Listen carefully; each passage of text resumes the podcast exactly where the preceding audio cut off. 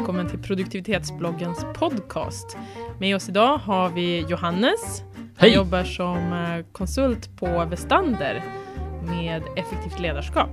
Kommunikativt ledarskap. Kommunikativt ledarskap. Tack ändå. Och personlig effektivitet. Jag bara Personlig, sammanfattade dem lite. personlig produktivitet. Men tack ändå. Okej.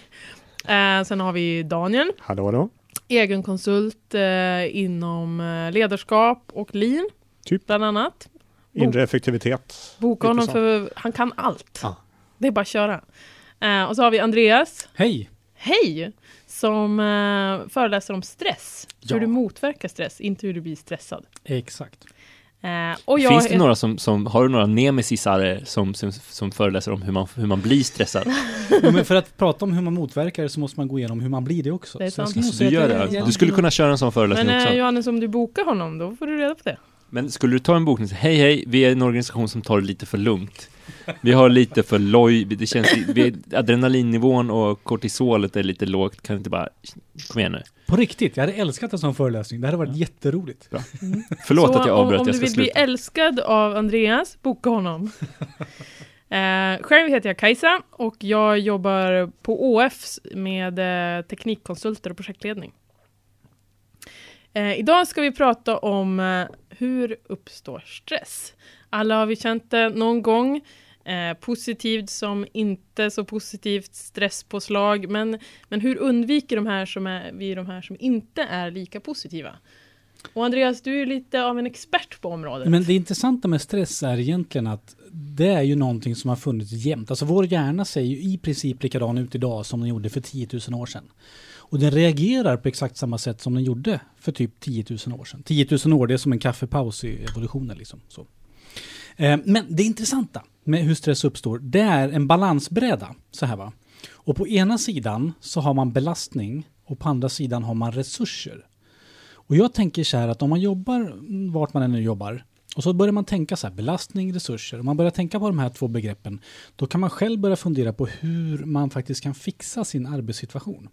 För att om man får för mycket belastning och belastning, det kan ju till exempel handla om att man har för mycket att göra, eller att de sakerna som man gör är väldigt svåra, de känns jobbiga, eller att de här sakerna bara är ångestframkallande eller, eller som tråkiga. Eller otydliga, jag. precis. Då blir det hög belastning. Va? Och sen så har vi resurserna som då egentligen handlar om att tid till exempel. Eh, du har också mycket resurser om du har kunskaper. Du har mycket resurser också ifall du har sovit, du är utsövd, du har energi, du känner glädje och så vidare i livet. Där har vi resurser.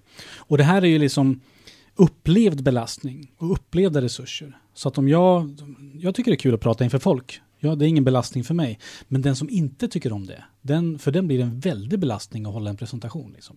Så det är upplevd belastning. Går det även sådana saker som, som stöd i form av man har familj, man har vänner och sådana saker. Går det in i resurser eller ligger det utanför en sån här? Eller är det en belastning? Eller är det väl... jo, men alltså har du hjälp, alltså resurser kan ju också handla om att du förfogar över personal. Alltså att Mm. du ska göra en stor uppgift. Stefan Löfven, han har ju enorm belastning. Han ska driva ett land liksom så här.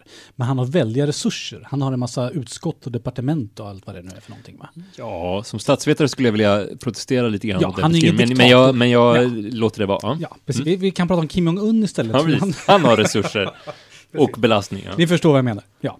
Men det är en balansbräda och det handlar om belastning och det handlar om resurser. Och när den upplevda belastningen överstiger de upplevda resurserna, hänger ni med nu här?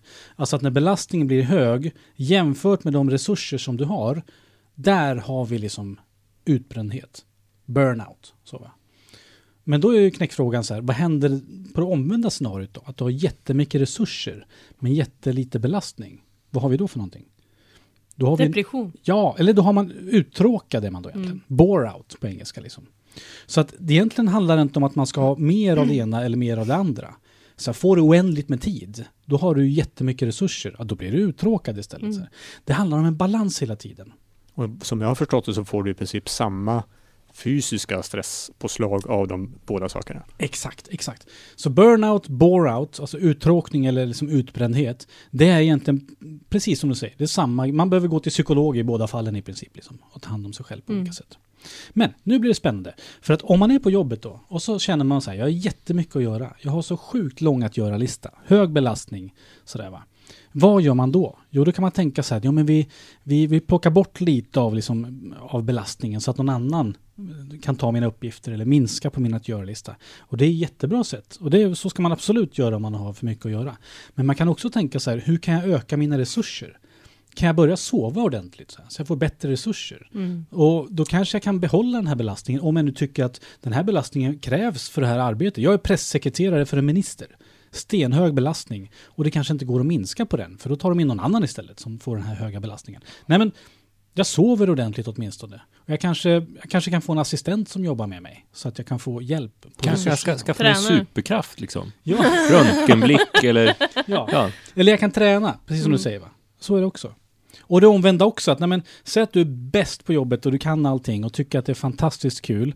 Eh, med, och, du, liksom, och dina kollegor kan inte så mycket så du får liksom, ja, tempot är för lågt. Du kan väldigt mycket, har höga kunskaper. Jag tror man kan känna igen sig i det här om man är nyutexaminerad och känner så här, nu har jag lärt mig något nytt, nu kan jag någonting, jag är jättebra på det här, använd mig. Men så blir man bara anställd som tunnelbanechaufför liksom och tycker att det är trist. Då har man jättehöga resurser med jättelite belastning. Då kan man ju klura på, kan jag minska mina resurser? Kan jag sova lite sämre? Förstår du vad jag menar? Det här, det här låter lite kontraproduktivt. Ja, det var, ja, det var inte meningen. Men vad jag menar är att man kan ju välja att gå åt båda hållen. Hela tiden, det ska vara en balans va? Men i det här fallet så handlar det kanske om att öka resurserna så att ja, men, belasta mig lite mer. Då. Eller bara göra allt saker med en hand hela tiden. Det är ju att begränsa resurserna. Ja. Precis.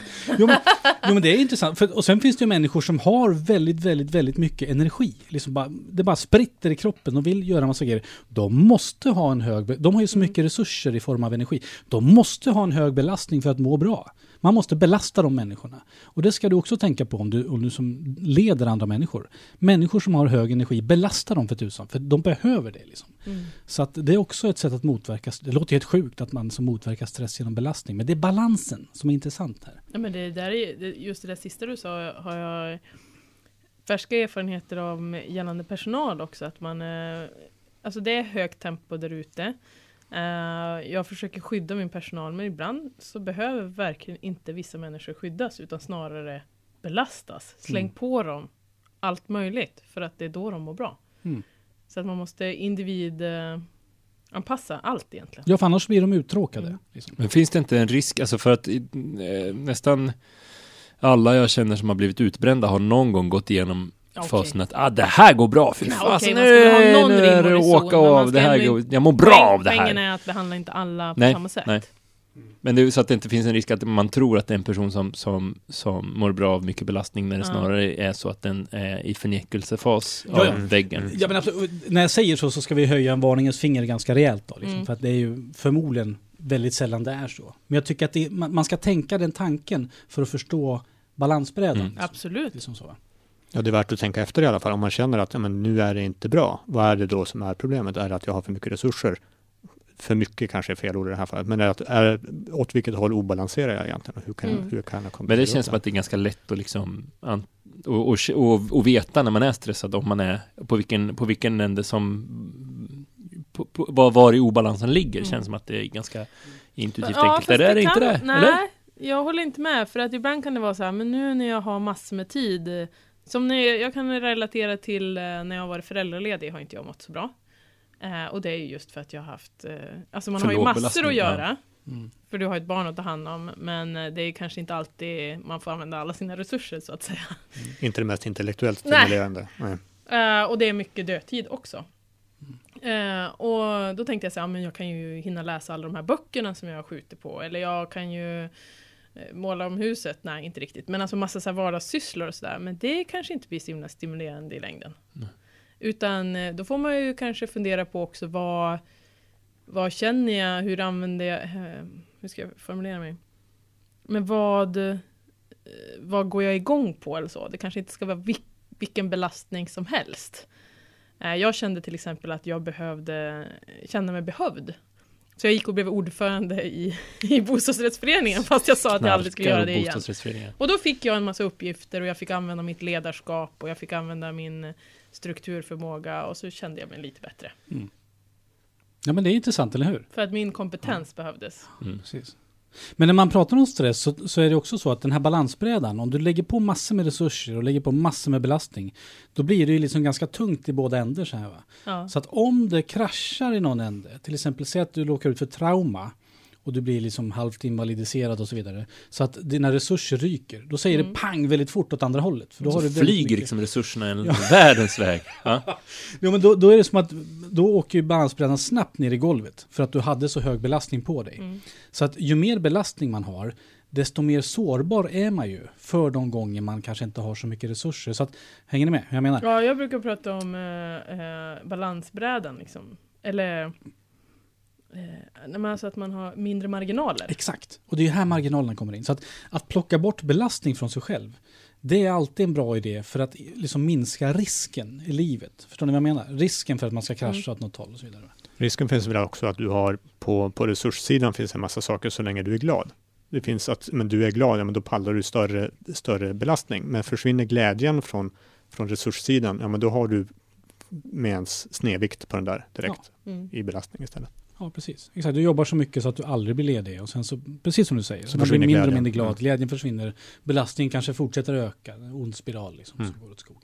Ja, för lite grann så handlar det också om vilka, vilka, inte bara hur mycket resurser man har, utan vilka sorters resurser man har. Mm. Om jag är jättebra på liksom analytiskt arbete, men det Aldrig kräver får göra det. men aldrig får göra det utan Mm. mitt jobb går ut på att prata inför folk. Mm. Då kommer jag ju få jättetråkigt. Och samma sak tvärtom. Om Mm. jag älskar att prata inför folk men måste jobba med en massa analytiskt arbete så kommer jag ju tråkas ut även fast jag har en relativt hög, hög belastning Mm. för mina resurser utnyttjas, utnyttjas inte. Precis. Så det är ju liksom inte en endimensionell skala eller liksom en sorts resurser inte en sak utan det är liksom olika sorters resurser. Det finns en kille som, som skriver på internet under pseudonymen Rands som har en fantastisk blogg som heter Rands in Repose som, som har en artikel som heter Bored People Quit som säger just när du pratar Mm. om kunskapsarbete, ja, börjar du få folk som börjar vara uttråkade, men då har du förmodligen den här obalansen mellan, mellan resurser och, och ehm, eh, vad heter det? Belastning. belastning. Mm. Eh, och förr eller senare kommer sådana människor att lämna för att Mm. men det är inte skoj längre. Eh, hur sammanfattar vi det här? Balansbräda. Mellan Belastning på ena sidan, upplevd belastning, alltså det man känner, hur, hur, hur man känner att det här belastar mig. Och upplevda resurser, alltså vad jag tror att jag klarar av helt enkelt. Mm. Och det gäller att hålla den i våg. Och Alltså vad man ska- vill klara av också. Ja, men det är lite vad man upplever. Mm. Att man Ja, det är klart. Precis. Det är och, men det gäller att hålla våg. Man ska inte få för hög belastning, man ska heller inte få för höga resurser, helt enkelt. burnout åt ena hållet, bore out åt andra hållet. Precis. Mm. Och vi som sitter här är verkligen, verkligen, jag skulle säga varken uppbrända eller uttråkade, utan vi kämpar vidare nästa fredag. Du får gärna lyssna på oss då. Vi som var med var Johannes, Daniel, Andreas och jag heter Kajsa. Följ oss gärna på Twitter och eh, ratea oss gärna på iTunes. Eh, oavsett vilket betyg du sätter får du gärna motivera ditt betyg så att vi vet vad vi kan göra bättre och vad vi ska fortsätta göra bra. Ha en bra vecka. Hej då!